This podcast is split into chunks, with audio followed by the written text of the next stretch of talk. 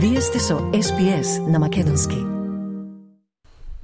Слушате прилог што го подготви програмата на македонски јазик на SPS Audio со вас е Маргарита Василева.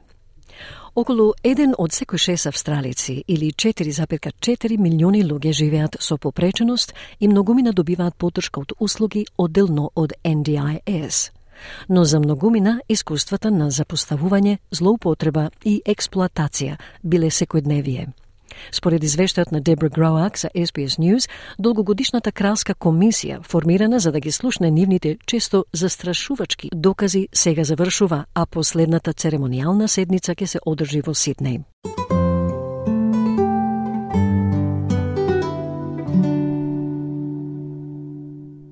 Овие три гласови се меѓу десетте илјади кои ги споделија своите искуства од насилство, злоупотреба, занемарување и експлоатација за време на Кралската комисија која ги истражува животите на австралиците со попреченост. По четири години Кралската комисија за попреченост заврши со една завршна церемонијална седница во Сиднеј пред да биде објавен незиниот конечен извештај. Председателот Роналд Саквил вели штом ќе биде доставен извештајот, ќе зависи од другите да продолжат со препораките. Тој вели знае дека желбата на некој е Кралската комисија да продолжи да постои за да го охрабрува, а може би и да го надгледува спроведувањето на препораките, од кои ќе има многу.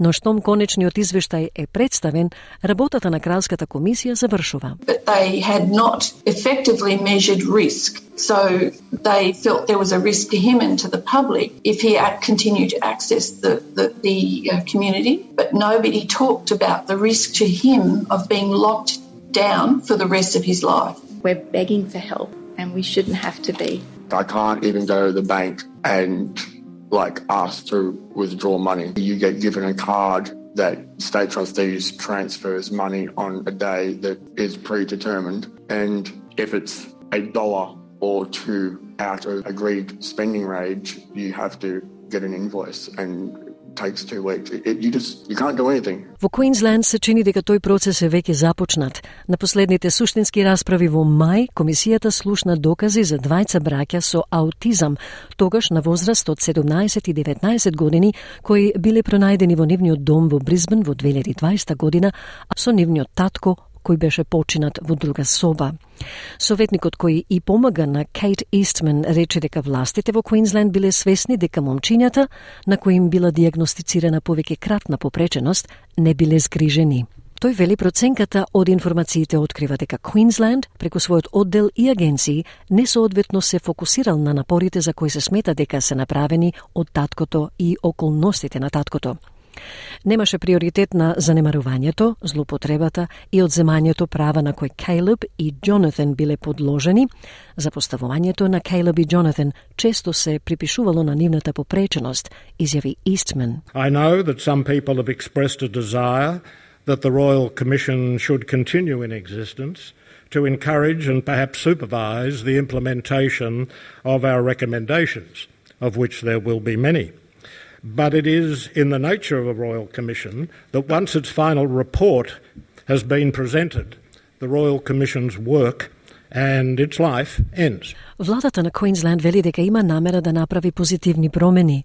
Министерот за безбедност и попреченост кај деца, Крейг Крофед, вети дека ќе ги изголеми обуките и ресурсите за државните службеници и ќе размисли за компензација за двајцата браќа. Министерот Крофед изјави дека во никој случај не требаше ова да се случи и дека ќе се работи за да се осигура дека вакво нешто никогаш повеќе нема да се случи. Тој го извести домот дека се прифатени сите пет препораки од извештајот на Кранската комисија. I know that some people have expressed a desire that the Royal Commission should continue in existence to encourage and perhaps supervise the implementation of our recommendations, of which there will be many. But it is in the nature of a Royal Commission that once its final report has been presented, the Royal Commission's work and its life ends. This should never have happened, and we're working to make sure something like this never happens again. I'm pleased to advise the House that we have accepted or accepted in principle all five recommendations. Федералната влада исто така вели дека има намера да го подобри животот на австралиците со посебни потреби. Министерката за социјални услуги Аманда Ришворт поднесе легислатива во парламентот со која давателите на услуги за попреченост надвор од NDIS ќе бидат задолжени да ги исполнат условите на кодекс на однесување. Таа вели дека ќе го олесни финансирањето на услугите за поддршка кои се надвор од оваа програма. Кралските комесари велат дека е итно и важно владата и низа институции да нудат подобра услуга. Комесарот Ронда Галбали го истакна образованието како посебна област на загриженост, зборувајќи за широко распространетиот и неоснованиот страв дека присуството на ученици со попреченост ќе го наруши и попречува учењето на соучениците без попреченост. Таа вели дека вклученоста е единствениот лек. Она што е потребно за да се запрат предрасудите вели Гелбали е промена на ставот, а ставовите се менуваат кога луѓето со секаков вид на попреченост се видливи, присутни и значајно учествуваат со деца и возрастни кои не се со посебни потреби секојдневно во заедницата, почнувајќи од најраните години. We have been told that what is needed to stop the prejudice is attitudinal change. Yet the research presented to the Commission shows that attitudinal change campaigns with adver- advertisements exhorting the community to include disabled people that that's not enough because the prejudice is too strong.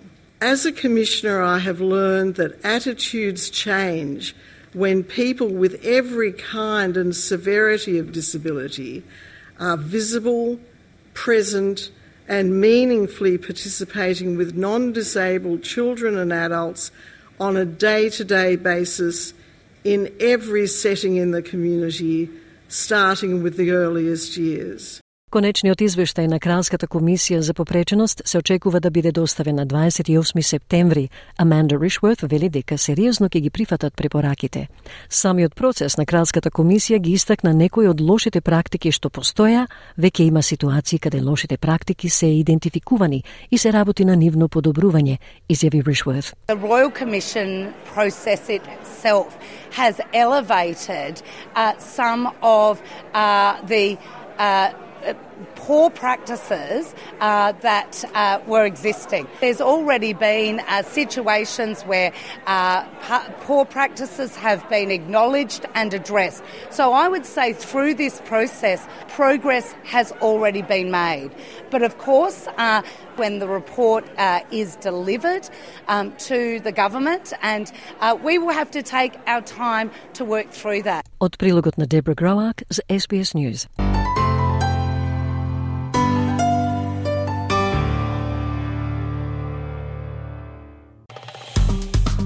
Стиснете, ми се допаѓа, споделете, коментирајте. Следете ја SPS на Македонски на Facebook.